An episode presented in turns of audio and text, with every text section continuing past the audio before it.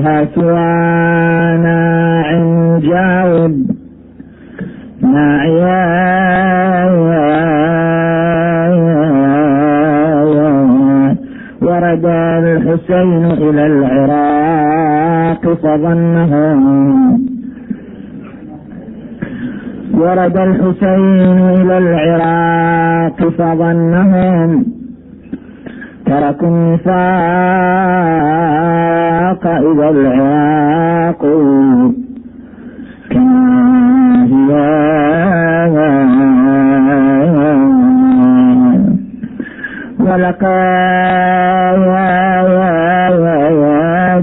دعوه للعمى فأجابهم ودعاهم لهدى فردوا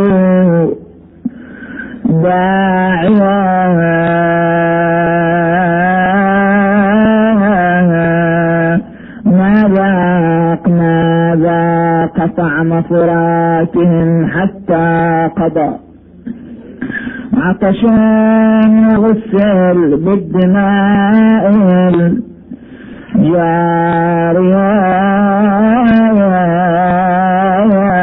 الجارية ماذا يقطع مفراتهم حتى قضى عطشا.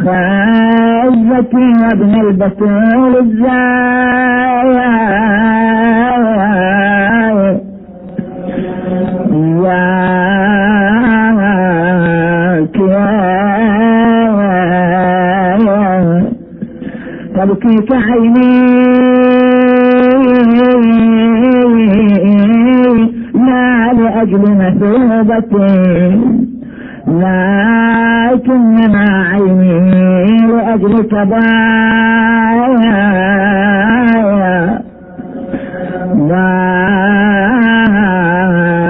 ذاكر ما في ركبين فرعوا في كربلاء كانت بها جعالهم متجاوزين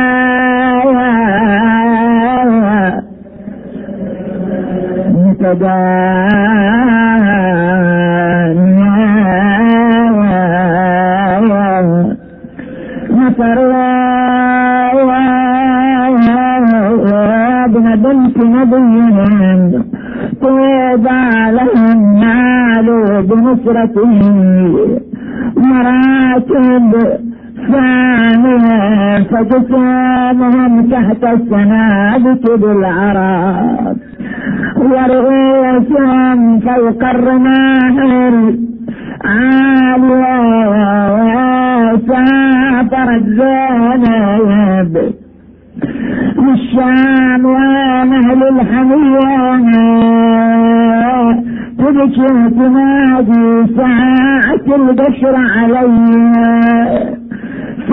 البشر يا مروا بالمذابيح كلهم عرايا والستر من فات والريح ومن الحزن زينب قدومنا بهالطيح والطيح شاب الراس من عزم الرزيح. ورملة ورملة على الجاسم هوى تلطم صدرها. تنادي عروسك بن سعد يبني أثرها. وقصتك مرمية ما حد قبرها انذلل يا عدلي بالسرة بقارا قالها قالها لسان الحال صبرت عيني جمعي سادة من التراب والسديني يا وارد شد بريح ولحديني قالت شميلي والعدد المرمتين أعوذ بالله من الشيطان الرجيم.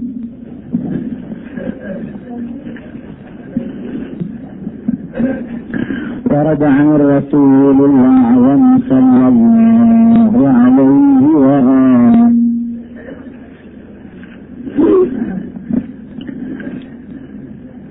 مخلف فيكم الثقلين كتاب الله وعترتي أهل بيتي. وإن تمسكتم بهما لن تضلوا بعدي وقد عند أن اللطيف الخبير بأنهما لم يفترقا حتى وردا علي الحوض فانظروا كيف تخلفون فيه صدق الرسول الكريم.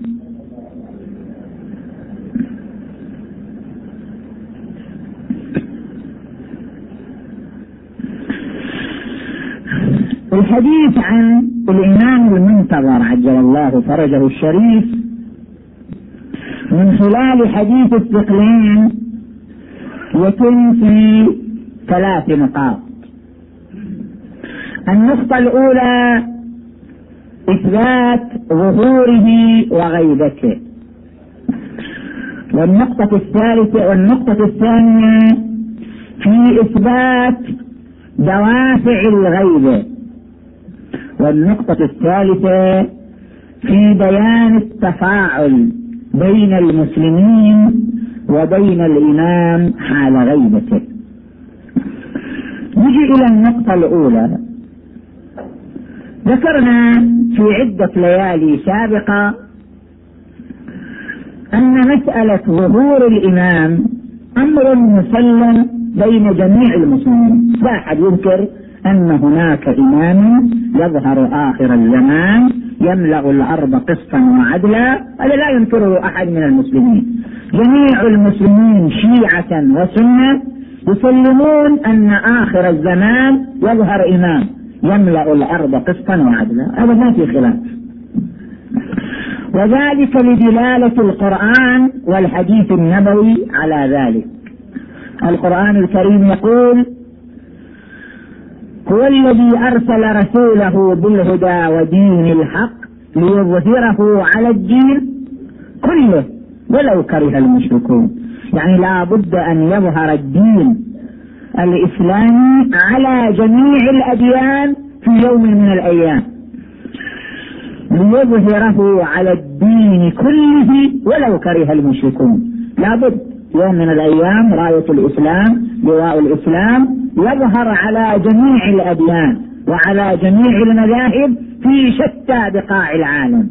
وهذا إلى الآن ما حصل إلى يومنا هذا لن يحصل. فلا بد أن يحصل يوم من الأيام. يوم من الأيام تمتد آه، الدعوة الإسلامية ويمتد النداء الإسلامي إلى جميع أرجاء الأرض. وتظهر راية الإسلام خطاقة على جميع الرايات. ونريد أن نمن على الذين استضعفوا في الأرض ونجعلهم أئمة ونجعلهم الوارثين. يعني يرثون الأرض. يعني هم آخر من يحكم الأرض. هذا معنى الوارثين. الوارثين يعني آخر من يحكم الأرض. والمستضعفون هم المسلمون طبعا. المسلمون هم الوارثون. يعني هم آخر من يحكم الأرض. إذا لابد من دولة إسلامية تعم أرجاء الأرض في آخر الزمان حسب صريح القرآن الكريم وهذا أمر مسلم ما في كلام. كذلك ورد عن الرسول الأعظم صلى الله عليه وآله أنه قال كما في مستدرك الصحيحين لا تقوم الساعة حتى تملأ الأرض ظلما وجورا فيخرج رجل من أهل بيتي فيملأها قسطا وعدلا بعدما ملئت ظلما وجورا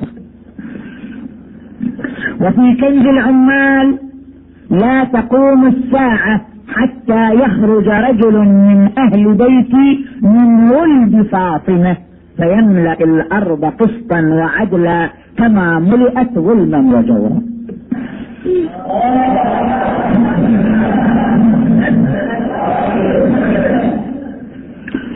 كذلك أيضا ينقل ابن حجر ودخائر العقبة أن النبي صلى الله عليه وآله أنه ضرب بيده على كتف الحسين عليه السلام وقال من ظهر هذا أو من صلب هذا أو من ولد هذا حسب اختلاف الروايات مهدي هذه الأمة.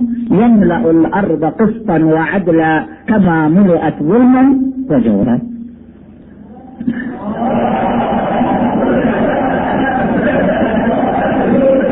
مسألة ظهور الإمام ما فيها نقاش ما حد يناقش في ظهور الإمام الكلام في غيبة الإمام يعني الشيعة الإمامية تعتقد أن الإمام ولد وهو غائب ويخرج يوما من الأيام إذا أذن الله له بالخروج. وغيرهم من المسلمين يقول لا يقول الإمام بعد ما ولد والإمام يولد آخر الزمان ويخرج. لا أنه ولد إنما يولد آخر الزمان ويخرج. خلاف هذه النقطة في الغيبة هل أنه ولد وهو غائب أم لا؟ إحنا الشيعة الإمامية نقول نعم ولد وهو غائب. ليش؟ أولا الدليل التاريخي يساعدنا. يعني انت من تقرأ الآن كتاب وفيات الأعيان لابن خلكان أو تقرأ مثلا آه، كتاب مطالب السؤول لمحمد بن طلحه الشافعي. تقرأ في هذه الكتب أو مثلا تذكرة خواص الأمة للسبط بن الجوزي كلهم ينصون على أن الإمام الحسن العسكري أنجب ولدا اسمه محمد ولد وغاب عن الأنظار ويذكر صاحب وفيات الأعيان وغيره وهو حي مرزق. وهذه كتب أهل السنة نص تاريخيا على أن شخص اسمه محمد ابن الإمام الحسن العسكري ولد وغاب. هذه كتب تاريخية تنص على ذلك. من جانب آخر الأحاديث تؤيد وجود الإمام. إحنا ذكرنا في الليلة السابقة ما ورد عن الرسول الأعظم صلى الله عليه وآله لا يزال الدين قائما حتى تقوم الساعة ويقوم فيكم اثنا عشر خليفة كلهم من قريش. ومن هذا الحديث يدل على أن الأئمة متواصلين إلى يوم القيامة. يعني ما تمر فترة على الأمة الإسلامية بدون إمام. مستحيل. لا يزال الدين قائما كما رواه البخاري حتى تقوم الساعة ويكون فيكم اثنا عشر أميرا أو اثنا عشر خليفة كلهم من قريش. يعني اثنا عشر يتسلسلون إلى يوم القيامة. فلا يأتي فترة على الأمة أو زمان على الأمة الإسلامية خالية الفترة من وجود الإمام. مستحيل. وهذا ما أكده الرسول الأعظم صلى الله عليه وآله في حديث آخر كما رواه صحيح مسلم من لم يعرف إمام زمانه ومات مات ميتة جاهلية لكل زمان إمام. كل زمان يمر على الأمة الإسلامية يوجد فيه إمام أن تسأل أي واحد مسلم قل من إمامك؟ إمام هذا الزمان منه. اكو واحد الآن يعني واحد مثلا. يجرؤ ويتجاسر ويدعي انه إمام الزمان. أكو واحد من البشر الآن يطلع رأسه يقول لك أنا إمام الزمان شرقا وغربا. أكو واحد يقدر يدعي الدعوة؟ لا يمكن أن تنسب هذه الدعوة إلا للإمام المهدي عجل الله فرجه. الحديث يؤكد وجود إمام للزمان كله. وماكو مسلم معد ومهيأ لأن يدعي هذه الدعوة. إلا الإمام المهدي عجل الله فرجه. تجي أيضا لحديث فقهنا الذي ذكرناه وقد أنبأني اللطيف الخبير بأنهما لن يفترقا حتى يردا علي الحوض. إذا لابد لكل زمان من إمام والإمام باق إلى يوم خروجه إلى يوم ظهوره. والدليل التاريخي كما ذكرنا يساعدنا على أن هذا الإمام الغائب أن هذا الإمام الموجود هو محمد بن الحسن المهدي عجل الله فرجه الشريف. ومسألة طبعا استبعاد غيبة الإمام أنه شلون يريد هذه المئات من السنين. ويعيش هذه المئات من السنين. وهذه المسألة واضحة الدفع. بعيسى بن مريم. جميع المسلمين يقرون أن عيسى بن مريم ما مات. ما زال حيا وما قتلوه وما صلبوه ولكن شبه لهم. وفي آية أخرى بل رفعه الله.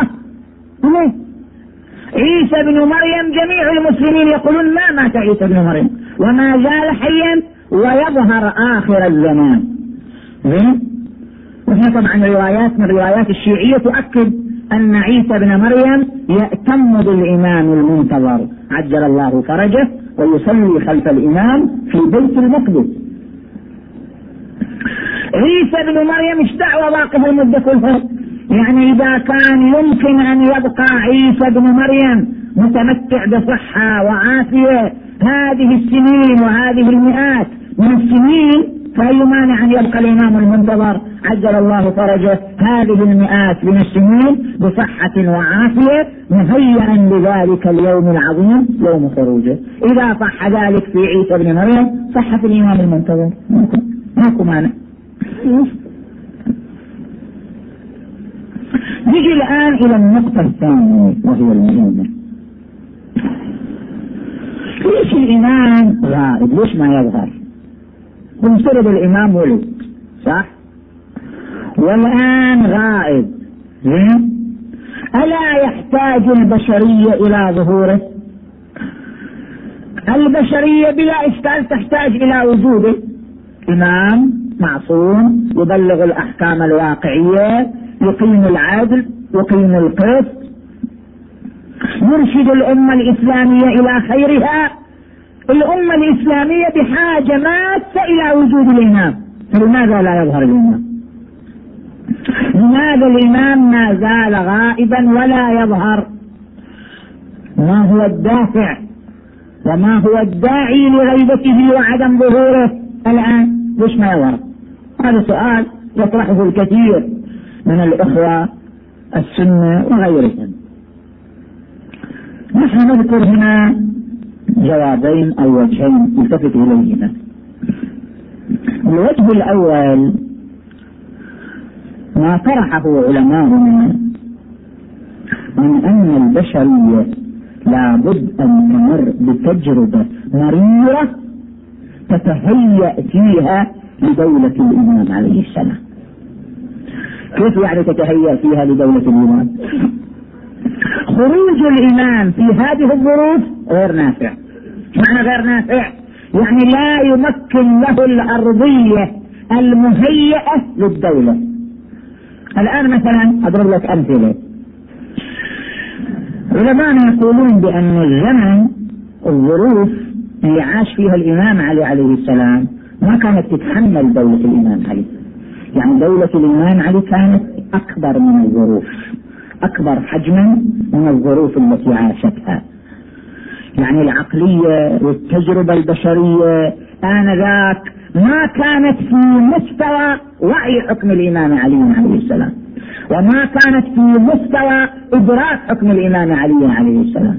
وبالتالي عدم استقرار حكم الإمام علي خمس سنوات حكم فقط وكلها حروب وكلها دماء وكلها اختلافات واضطرابات بين المسلمين نتيجة أن التجربة البشرية ما كانت في مستوى حكم الإمام عليه السلام. طبعا صحيح الإمام نصبه الرسول صلى الله عليه وآله خليفة على المسلمين لكن لما أبعدت الخلافة عنه 25 سنة هل 25 سنة اللي أبعدت الخلافة عن الإمام علي؟ جعلت الظروف غير مهيئة. جعلت الظروف غير يعني في ليست في مستوى حكم الإمام أمير المؤمنين سلام الله عليه.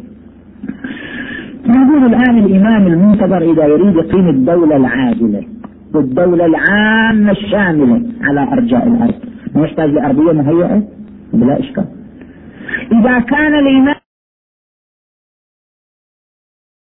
إقامة الدولة الإسلامية العامة تحتاج إلى أن البشر يستقبلون الإسلام. تحتاج إلى أن البشر يكونون مهيئين نفسيا وذهنيا لقبول الإسلام ولاعتناق الإسلام ولتلقي الإسلام ولأن يكونوا عونا للإسلام. طب الإمام مو البشر كلهم؟ الإمام صحيح يحارب المرتدين ويحارب الكافرين ويحارب الظالمين لكن قد ما البشر كلهم؟ لابد من وجود أرضية لابد من وجود أرضية بشرية مهيئة نفسيا وثقافيا لدولة الإمام المنتظر عجل الله فرجه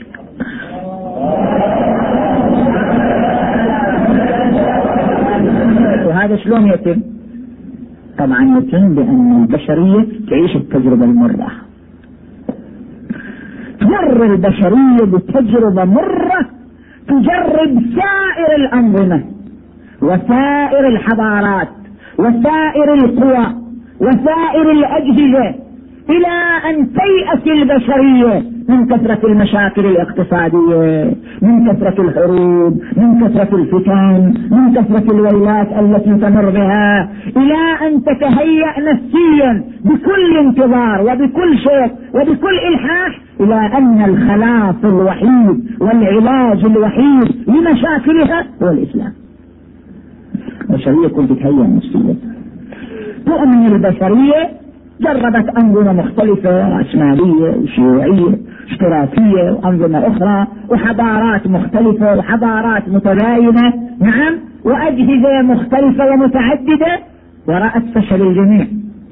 بشرية جربت هذه الأنظمة وأدركت فشلها وعدم كفاءتها وطبعا تزداد المشاكل البشرية يوما فيوم تزداد نسب المجاعة ونسب الفقر ونسب الحروب ونسب الفتن ونسب القلاقل ونسب الاضطرابات. يوما فيوم إلى أن البشرية خلاص تصل إلى هذا الحد أن لا مخلص إلا الإسلام. ولا علاج إلا الإسلام. ولا حل إلا الإسلام. ولا كافي لسائر المشاكل إلا الإسلام. إذا تهيأت البشرية إلى الإسلام وإلى نظام الإسلام وإلى الإسلام كحل وكعلاج كان ظرفا مهيئا مناسبا لخروج الإيمان. عز وجل تعالى فرجه الشريف. فيخرج والبشرية تحت رايته لأنها راية الإسلام الذي هو الحل الوحيد لسائر المشاكل المادية والإقتصادية والأمنية.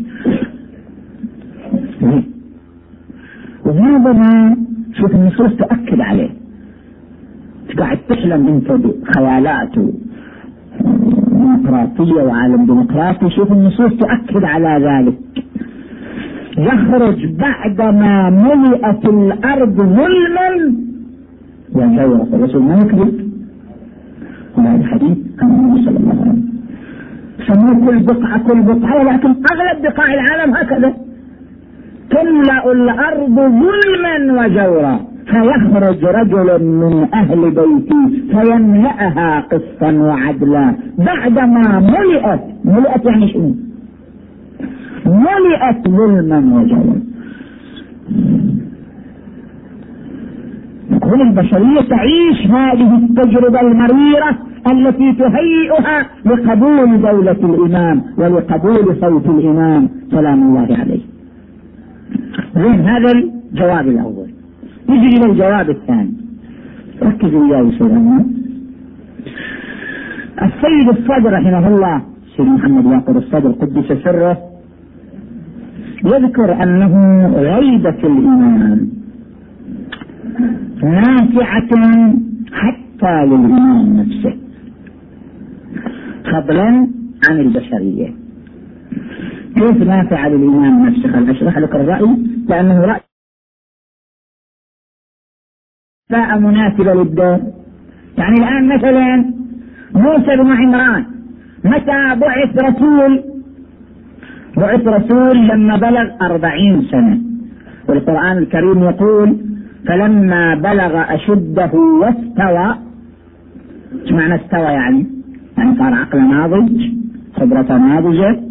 رجولة كاملة فلما بلغ أشده واستوى آتيناه حكما وعلما الدور كان يحتاج إلى هالنوع من الكفاءة. يعني ما كان يمكن لموسى بن عمران أن يقوم بدوره كرسول إلا بعد هذا السن وبعد هذه التجربة. تجي الآن إلى النبي الأعظم صلى الله عليه وآله. النبي الأعظم صلى الله عليه وآله واضح بعث وعمره أربعون سنة. هو نبي منذ ولادته. وقد ورد عنه صلى الله عليه وآله كما في كتاب تفسير الرازي كنت نبيا وآدم بين الماء والطين. الله تبارك وتعالى خلق النبي نورا قبل أن يخلق آدم وأعطاه النبوة قبل أن يخلق آدم نورا يحتدي بالنبوة والعصمة والطهارة قبل خلق آدم. ولقد ورد عنه صلى الله عليه وآله إن الله خلق نوري ونور علي قبل أن يخلق آدم بألف عام.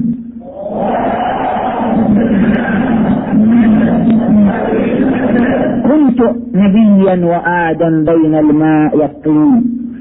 إذا هو نبي منذ ولادته زين. معنى ما بعث إلا عمره أربعين سنة. قبل أربعين سنة ما بعث. ما أمر بالدعوة وإن كان نبي. لكن ما أمر بالدعوة إلا بعد أربعين سنة. هو التجربة الإسلامية تقتضي هذا. تهيئته كقائد تهيئته كقائد تنقاد له النفوس وتذعن له القلوب وتلتف حول رايته وتؤمن بخبرته وتؤمن بنضجه وتؤمن بفكره. يحتاج إلى أن يمر بهذا السن ويحتاج إلى أن يمر بهذه التجربة ويحتاج إلى أن يمر بهذا الحد المعين فيتهيأ لقيادة الأمة آنذاك. الدور يحتاج إلى هذا الإعداد. فاهمين شلون؟ بالنسبة للإمام المنتظر شلون؟ سيد الصادق طبعا مثل ما ذكرت من الأول هذا رأي يختص به لعله يصير غريب على أذهان الناس. لكن هذا رأيه. سيد الصدر يقول أنه الدور الذي يقوم به الإمام المنتظر مو دور عادي. لم يقم به أحد. لا نبي ولا رسول. الدور الذي سيقوم به الإمام المنتظر ما قام به أحد إطلاقا من يوم آدم إلى يومنا هذا. إقامة دولة إسلامية على جميع بقاع الأرض. هذا ما قام به أحد بعد. هذا الدور إقامة دولة إسلامية على جميع بقاع الأرض. وكما في بعض الروايات تستمر هذه الدولة أربعين سنة. إقامة دولة على جميع بقاع الأرض ولمدة أربعين سنة دور عملاق ما قام به أحد قبله لا من الأنبياء ولا من الرسل ولا من الأوصياء. طبعا يحتاج هذا الدور إلى كفاءة تتناسب مع الدور نفسه. ضخامة الدور تقتضي ضخامة الكفاءة. ضخامة الدور تقتضي ضخامة الاستعداد. كل ما كان الدور عظيم احتاج إلى عظمة في الكفاءة أكثر. كل ما كان الدور أكبر احتاج إلى كفاءات أكبر واستعدادات أكبر. الإمام المنتظر يقوم بدور ما قام به أحد. إقامة دولة إسلامية عامة على جميع بقاع الأرض. يحتاج إلى اعداد خبروي يتناسب مع الدور تماما. شلون إعداد خبروي؟ يحتاج إلى شخص. عاصر جميع الحضارات. عاصر جميع المجتمعات. عاصر جميع الأنظمة. عاصر جميع الدول. لأنه إذا عاصر جميع المجتمعات تعرف على جميع الأهواء على جميع الشهوات على جميع على جميع أنواع الميول. إذا عاصر جميع الأنظمة تعرف على نقاط الضعف ونقاط القوة في كل نظام. إذا عاصر جميع الحضارات تعرف على عوامل البقاء وعوامل الفناء في كل حضارة. معاصرة جميع الحضارات معاصرة جميع الأنظمة معاصرة جميع المجتمعات معاصرة جميع الأزمنة التي تمر على البشرية. تكسب هذا الشخص الذي يعاصر نضجا كاملا في الخبرة بما تحتاج إليه الدولة الإسلامية العامة على جميع وجه الأرض. جميع نقاط الضعف والقوة في المجتمعات في الحضارات في الأنظمة في أجهزة الحكم حاصلة لديه لأنه عاصر الجميع وجرب الجميع فوصل إلى الإعداد الكافي للقيام بدوره كقائد عام كقائد لدولة إسلامية عامة طبعا يجي الإنسان هنا يتساءل أنه شنو يعني الإمام من أول يعرف شلون الإمام يتعلم؟ هل الإمام قابل للتعلم؟ كل ما عاش يتعلم أكثر؟ هل الإمام هكذا صحيح الإنسان؟ البشري العادي؟ صح أنا إنسان عادي. كل ما عشت ما عشت أراك الدهر عجبا كلما عشت أزداد معرفة أزداد خبرة أزداد نضج أزداد تكامل. أنا كإنسان عادي صح بس كإمام معصوم. هل الإمام كذلك يعني يحتاج إلى أن يعيش فترة طويلة من الزمن يكتسب فيها خبرات ومعارف وثقافات. هل الإمام المعصوم كذلك؟ سيد الصدر يجيب عن هذا السؤال. يقول عندنا فرق بين العلم وبين الخبرة. العلم أمر نظري والخبرة أمر أمر تطبيقي. والأمر التطبيقي يحتاج له الإيمان كأي إنسان آخر. الآن أضرب لك مثال. شوف الآن هذا الطبيب طبيب أنت من يدرس في الجامعة الطبيب يدرس الطب. وطبعا يتخرج دكتور. افترض دكتور في القلب مثلا. هو هذا الطبيب الآن عنده معلومات نظرية بحتة. صح ولا لا؟ هذا الطبيب من يبدأ يفتح عيادة ويبدأ شنو؟ يعالج المرضى مرضى القلب. تلك المعلومات النظرية تظهر للوجود فيبدأ يطبقها أثناء عيادته وأثناء علاجه هذا الطبيب بعد تطبيقه للمعلومات الطبية النظرية شنو يحصل؟ من المعلومات عنده من الأول يحصل على ماذا؟ يحصل على الخبرة كان عنده علم نظري الآن تحول إلى ماذا؟ تحول إلى خبرة فرق بين الخبرة وبين العلم النظري هذا كان منذ دراسته إلى أن انتهى إلى مستوى معين إلى أن انتهى إلى مستوى معين يحمل معلومات نظرية. الآن لما بدأ بتطبيقها نعم تحول إلى خبرة. فالخبرة غير غير المعلومات النظرية. أضرب لك مثال أوضح في النبي الأعظم صلى الله عليه وآله بذكره الصلوات.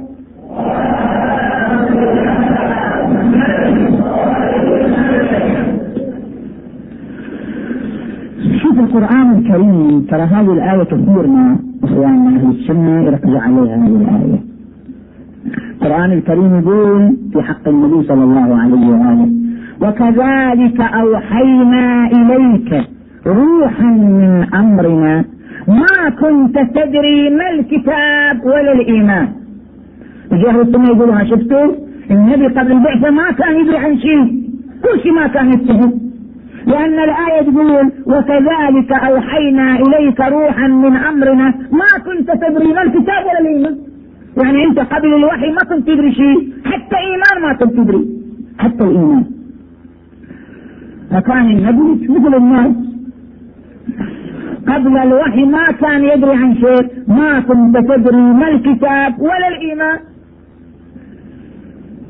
وفي آية أخرى أيضا ما كنت تدري من قبله يعني من قبل نزول القرآن ما الكتاب ولا تخطه بيمينك. إذا لارتاب المبطلون. شنو والله النبي قبل البعثة مسكين جاهل عياذ بالله لا يفهم شيء. حتى الإيمان ما يدري عنه. الشكر يعني؟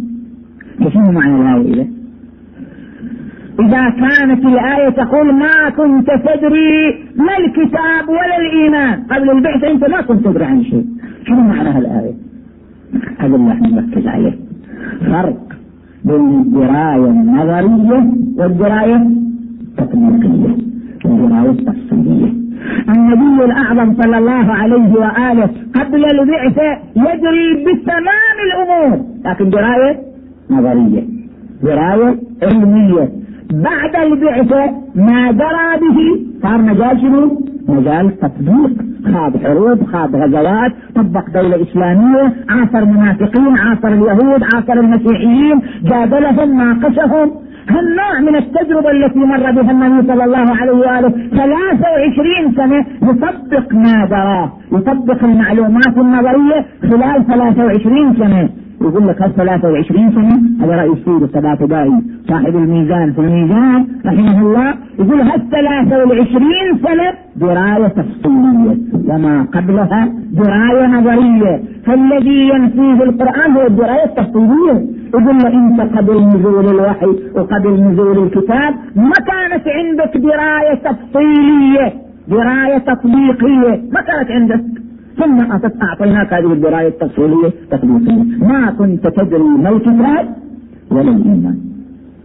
إحنا نؤمن أن الإمام المعصوم منذ ولادته يعلم ويدري سائر الأمور ما تحتاج له الدولة الإسلامية العامة وما يحتاج إليه المجتمعات وما تحتاج إليه الحضارات والأجهزة المختلفة. كان يعلم بذلك لكن شنو علم؟ نظري لكن معاصرة الإمام بالفعل. فعلا الإمام يعيش 1500 سنة 1400 سنة يعاصر الحضارات بنفسه ويكتشف الأنظمة بنفسه ويعاصر المجتمعات بنفسه. النوع من التجربة التي يمر بها أثناء غيبته تحول ذلك العلم النظري إلى خبرة تطبيقية؟ لاحظ؟ وهذه الخبرة التطبيقية تساعد على إقامة النظام الإسلامي العام على وجه الأرض. وأكو روايات عندنا تؤيد هذا. ورد عن الإمام الصادق سلام الله عليه في الكافي لولا أننا نزداد كل جمعة لنفد ما عندنا. الإيمان يتكامل ويمر بمراحل تكاملية تزداد علومه ومعارفه. لولا أننا نزداد كل جمعة لنفد ما عندنا. إذا السيد رحمه الله يقرر أن الغيبة ضرورية ضرورية حتى للإمام مو بس إلينا. مو بس إلى العالم ضرورية الغيبة ضرورية حتى للإمام.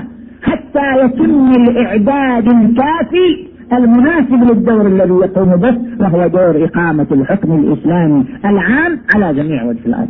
وطبعا أنا أتدارك يصير خلل في ذمك أن هذا الرأي كما قلت أولا أن هذا الرأي خاص بالسيد والسلم وبعض العلماء يختلف معه ويرى أن الإمام المعصوم لا يحتاج إلى هذه الخبرة ولا يحتاج إلى هذه التجربة لأنه قادر على تطبيق النظام في أي ظرف وفي أي وقت. وهو في غير حاجة إلى الخبرة وفي غير حاجة إلى أن يمر بهذه التجربة. هذا اختلاف في الآراء. ما طرحت لكم الشاكر هذا بالنسبة إلى النقطة الثانية. مسألة غيبة الإيمان المنتظر ودوافع الغيبة نجي إلى النقطة الثالثة. كيف نتفاعل مع الإمام وهو غائب؟ هو غائب. كيف نتفاعل معه كإمام؟ إذا كان غائبا عن أنظارنا إذا كان غائبا عنا كيف نتفاعل معه؟ ونستفيد من أنواره ونستفيد من وجوده عجل الله فرجه وهو غائب. التفاعل مع الإمام يا إخوان بعدة أمور تنبه لها. الأمر الأول الإحساس برقابته. إحنا عندنا روايات تدل على أن الأعمال تعرض على الإيمان. الإمام الصادق سلام الله عليه ورد عنه أنه قال إن الله تبارك وتعالى يقول وقل اعملوا فسيرى الله عملكم ورسوله والمؤمنون قال الإمام المؤمنون الأمة من محمد صلى الله عليه وسلم. وإن أعمالكم كانت تعرض على رسول الله صلى الله عليه وآله الإمام من بعده. وفي رواية أخرى الإمام الصادق سلام الله عليه يخاطب سماع بن مهران يا سماعة أما تستحون من رسول الله؟ قلت كيف سيدي؟ قال إن أعمالكم لتعرض عليه فإذا رأى سيئة شاءه ذلك. المؤمن طبعا يشعر برقابة الله تبارك وتعالى ونحن أقرب إليه من حبل الوريد يعلم السر وأخفى لكن إذا زاد إحساسي برقابة الله إحساسي برقابة الإمام أيضا. طبعا يزداد خوفي ويزداد خشوعي ويزداد بعدي ونفوري عن الذنب والرذيلة. أنا إذا شعرت برقابة الله وشعرت برقابة الإمام المعصوم الإمام غائب لكن أعمالنا تعرض عليه يشهدها يراها يعرف سيئها من حسنها. يعرف الشيعي المتقي والشيعي اللي فقط اسم شيعي يعرف المخلص يعرف غير المخلص. إذا شعرنا بأن الإمام يرانا ويراقبنا وتعرض عليه أعمالنا وتعرض عليه سيئاتنا ورذائلنا زاد إحساسنا بالرقابة وزاد بعدنا عن الذنب وبعدنا واجتنابنا عن الرذيلة. فإذا التفاعل مع الإمام. عجل الله فرجه وهو غائب بالشعور بغيبته والإحساس برقابته عجل الله فرجه. هذا أولا. ثانيا تسديد والتأييد وهذا ما يقبل بعد كلنا نعتقد أن الإمام يسدد الشيعة وإن كان غائب. ولولا تسديده وتأييده لانقرض التشيع منذ زمن طويل. التشيع مو يعني ظاهرة محبوبة. لا. تعرف انت بعد. التشيع منذ زمن السلطة الأموية وزمن السلطة العباسية من تيار مبغوض محارب معارض من جميع بجميع ألوان المعارضة والمحاربة. وبقي التشيع مستمر. وامتد وكثر.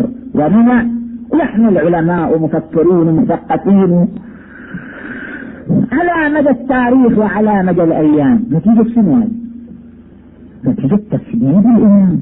وتأييد الإمام عليه السلام. وإذا الإمام يكتب إلى الشيخ المفيد عليه الرحمة يكتب إليه إنا لنحضر أفراحكم وأتراحكم ولا يعزب عنا شيء من أخباركم. ولولانا لاستلمتكم اللأواء وألمت بكم الأعداء.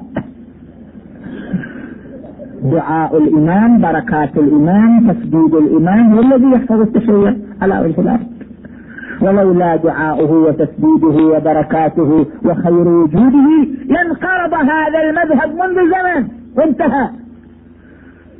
ولكن ببركات الإمام عليه السلام. فإحنا هذه البركات اللي نشوفها والخيرات اللي نشوفها والامتداد الشيعي المستمر. زين على وجه الأرض. معزوه لوجود الإمام وخير الإمام وبركة الإمام. عجل الله فرجه الشريف الأمر الثالث من التفاعل مع الإمام المنتظر رؤيته رؤية الإمام. شلون الإنسان يرى الإمام؟ طبعا إحنا عندنا رواية تنفي رؤية الإمام عليه السلام. هل أقرأ لك الرواية وأنا الإمام كتب إلى علي بن محمد السمري. آخر السفراء. آخر سفير من السفراء الأربعة في الغيبة الصغرى. هو السمري كتب إلى الإمام رسالة يا علي بن محمد السمري أعظم الله أجور إخوانك فيك. فإنك ميت ما بينك وبين ستة أيام. أنت راحل ماشي. ولا تعهد لأحد من بعدك. لا تخلي لك خليفة خلاص. ولا تعهد لأحد من بعدك فقد وقع البلاء والغيبة التامة ولا ظهور إلا بإذن الله. وذلك بعد قسوة القلوب وطول الأمل. طبعا أكو شريحة من الناس فوق بعد شوف اليأس تقتل القلوب يقول لك لا تبعد وارد في بعض الروايات أنه يغيب غيبة طويلة لا يثبت على الإيمان به إلا من امتحن الله قلبه بالإيمان.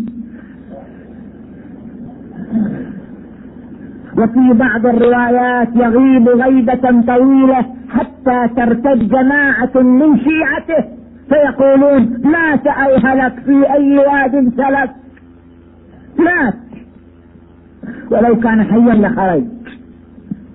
بعد شلون؟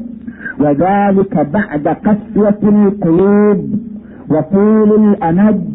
وسيأتي قوم من شيعتنا يدعون مشاهدتنا يقول لك إحنا شفنا الإمام رأينا الإمام قال بيت كذا فمن ادعى المشاهدة قبل خروج السفيان وقبل الصيحة فهو كاذب مفتري ولا حول ولا قوة إلا بالله العلي العظيم. هذه الرواية تبدأ في الباب يقول لك ما من ادعى المشاهدة فهو كاذب مفتري ولا حول ولا قوة إلا بالله زين شلون انت هذه الرواية توثق بينها وبين ما علم من رؤية كثير من العلماء ورؤية كثير من الصلحاء ورؤية كثير من الأبرار للإمام المنتظر عجل الله فرجه الشريف العلامة الحلمي أحد أقطاب الشيعة الإمامية العلامة الحلمي كان يدرس عند عالم من علماء السنة كان يأخذ درس عنده. هذا العالم كتب كتابا للرد على الشيعة والتشيع. العلامة الحلي طلب هذا الكتاب من أستاذه سني قال أعطني الكتاب أقرأه. ما وافق لأنه يعرف أن العلامة كان ذكي وقادر على الرد. فما أعطاه الكتاب. قال لا ما أعطيك إياه. حاول معه العلامة أعطني الكتاب حتى أراه وأتبصر فيه. قال إذا كان كذلك أعطيك إياه ليلة واحدة فقط. يعني يعرف ليلة واحدة لم تكفيه بقراءة الكتاب والتدقيق فيه والتأمل فيه. ليلة واحدة ما تكفيه قال أنا أعطيك إياه ليلة واحدة تتعهد أن ترجعه في اليوم الثاني.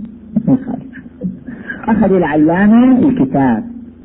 من أستاذه وصمم أن يسهر تلك الليلة على الكتاب ويستنسخه بالكامل.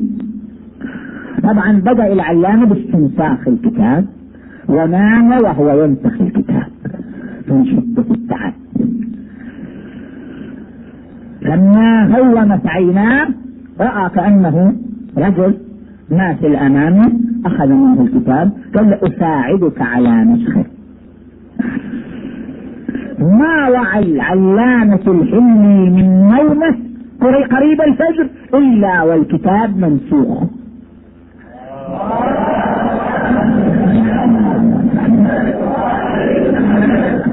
فعلم العلامة أنه الإمام الحجة عجل الله الرجل الشريف. باعتبار أن العلامة في ذلك الوقت كان هو مرجع الشيعة في زمانه وكانت تفتقر إليه الشيعة افتقار كامل فكان يحتاج إلى تأييد الإمام وتسديد الإمام.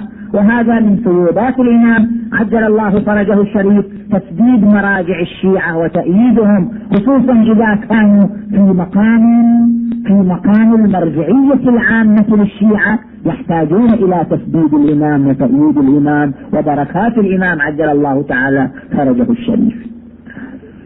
أيضا مثلا السيد بحر العلوم عندما سئل السيد بحر العلوم سيد مهدي بحر العلوم من مراجع الشيعة قيل له الإمام يقول من من ادعى المشاهدة فهو كاذب مفتري. وإنت يقول عنك رأيت الإمام. شلون نوفق بين رؤيتك للإمام وبين كلام الإمام. قال ماذا أقول وقد ضمني إلى صدره. الشهيد الأول كثير من القصص ما أحب أن أتعرض لقصص زين؟ كثير من القصص التي تذكر والرؤى التي تذكر للإمام عجل الله تعالى فرجه الشريف. إحنا نقول المقصود بهذا الحديث من ادعى المشاهدة فهو كاذب مفتري يعني من ادعى السفارة من نيابه الإمام يقول بعد علي بن محمد السمري خلاص ما في سفارة هذا آخر؟ سفير آخر نائب هو علي بن محمد السمري. بعد ما سفارة لا توصي لأحد من بعده فقد وقع البلاء والغيبة التامة وسيأتي أقوام من شيعتنا يدعون المشاهدة يعني يدعون السفارة والنيابة. فمن ادعى المشاهدة يعني من ادعى السفارة والنيابة فهو كاذب مفتري ولا حول ولا قوة إلا بالله. أما رؤية الإمام والتشرف بمحضره الشريف والاستفادة من أنواره الشريفة ومن تأييده وتسديده فهو أمر شائع مشهور بكثير من العلماء والصلحاء والأبرار. حتى الشخص العادي الإمام ورد عنه سلام الله عليه أنه قال لولا ذنوب شيعتنا لرأونا رأي العين ولا يحجبنا عنه إلا ذنوبنا ومعاصينا وتجاوزاتنا ورذائلنا. لولا ذنوب شيعتنا لرأونا رأي العين وفي بعض الروايات من قرأ دعاء العهد قال أهد تعرفوا أربعين صباحا وفق لرؤية الإمام. عجل الله فرجه إما يقظة وإما في المنام. ودعاء العهد فيه تشويق لرؤية الإمام.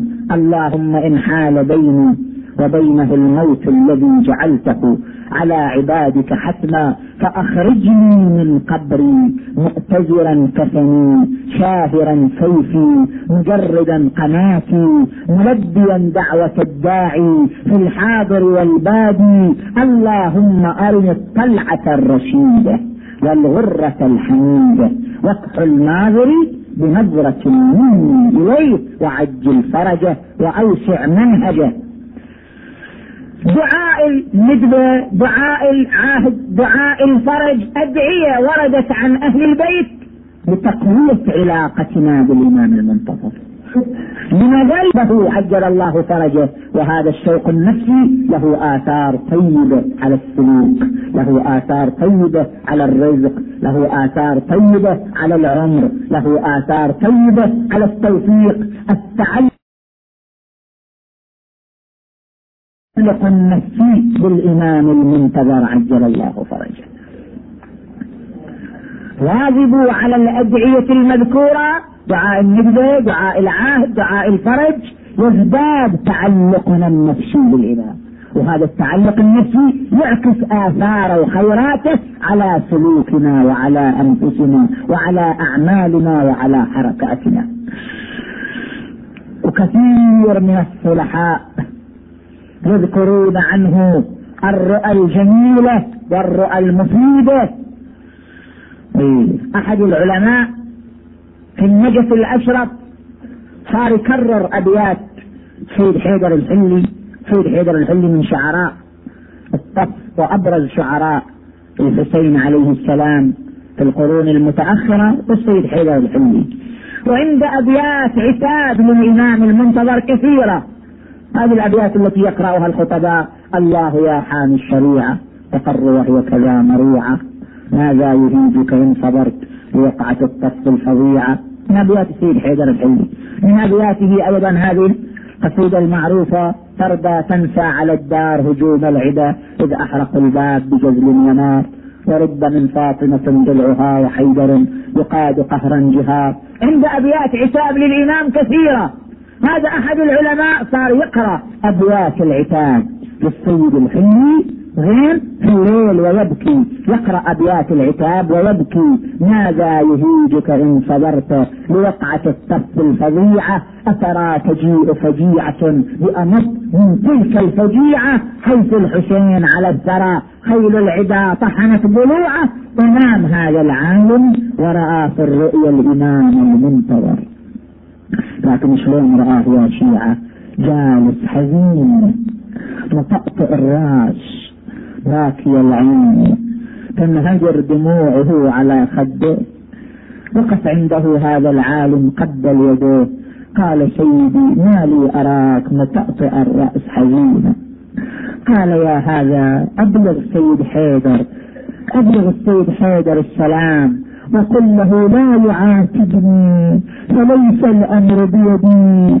كلما عاتبني مزق قلبي. كلما عاتبني احرق كبدي. أنا لا أقدر على ذكر مصيبة جدي الحسن إلا قل لا يكثر من عتابها لا يكثر من الكلام معي. أنا لا أقدر على ذكر مصيبة جدي الحسين فإذا السيد حيدر يصر على ذلك العتاب. سيدي أترى سجيع فجيعة بأماد من تلك الفجيعة حيث الحسين على الثرى خيل العدا تحمت ضلوع ذبحت آل أمية غامي إلى جنب الشريعة ورضيعه بدم الوحيد زينب وصلبوها حجابها ورفعوا الحجاب من على وجهها آه لكنها مشت بلا حجاب لكنها مشت بلا حجاب بين الاعادي ومع الاغراب هذا رأى الإمام المنتظر في النوم. قال له أيها العالم أيها الشاعر لا تقل هكذا لا تحرق قلبي. قل لكنما ظلالة الأنوار تحجبها عن أعين النظار فإني لا أستطيع أن أسمع أن عمتي زينب سلب حجابها. ترى قلبي يتمزق إذا سمعت هذا الكلام. بدل البيت بدله قول لكنما ظلالة الأنوار تحجبها عن أعين النوار سيدي يا صاحب العرش لو أدركتها وهي على تلك الناقة العجفاء وقد اسودت وجوههم من حرارة الشمس ولبست شفاههم من العطش والظلم وتفترت أكبادهم من الجوع. آه. وتورمت متونهم من ضرب السياف وهم ينادون احم الضائع. بعدك بعنا في يد النائبات حسرة. موادي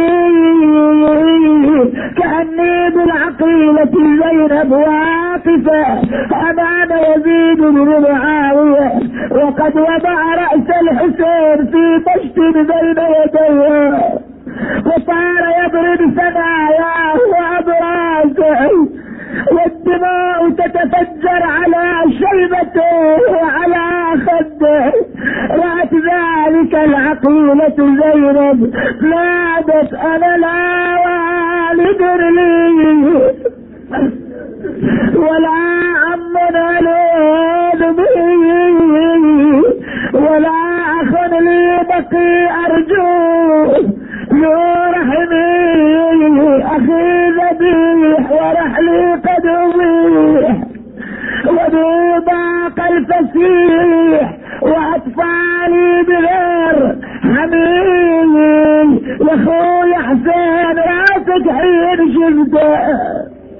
شفته يا يا تلعب عالصيدين على شفته إيه أنا والله ذاك الوقت خدي لطمته أنا ذاك الوقت خدي لطمته وصديت لبحرقه ولمته إيه والله وصديت لبحرقه يا يا يا يا حرقه ولمته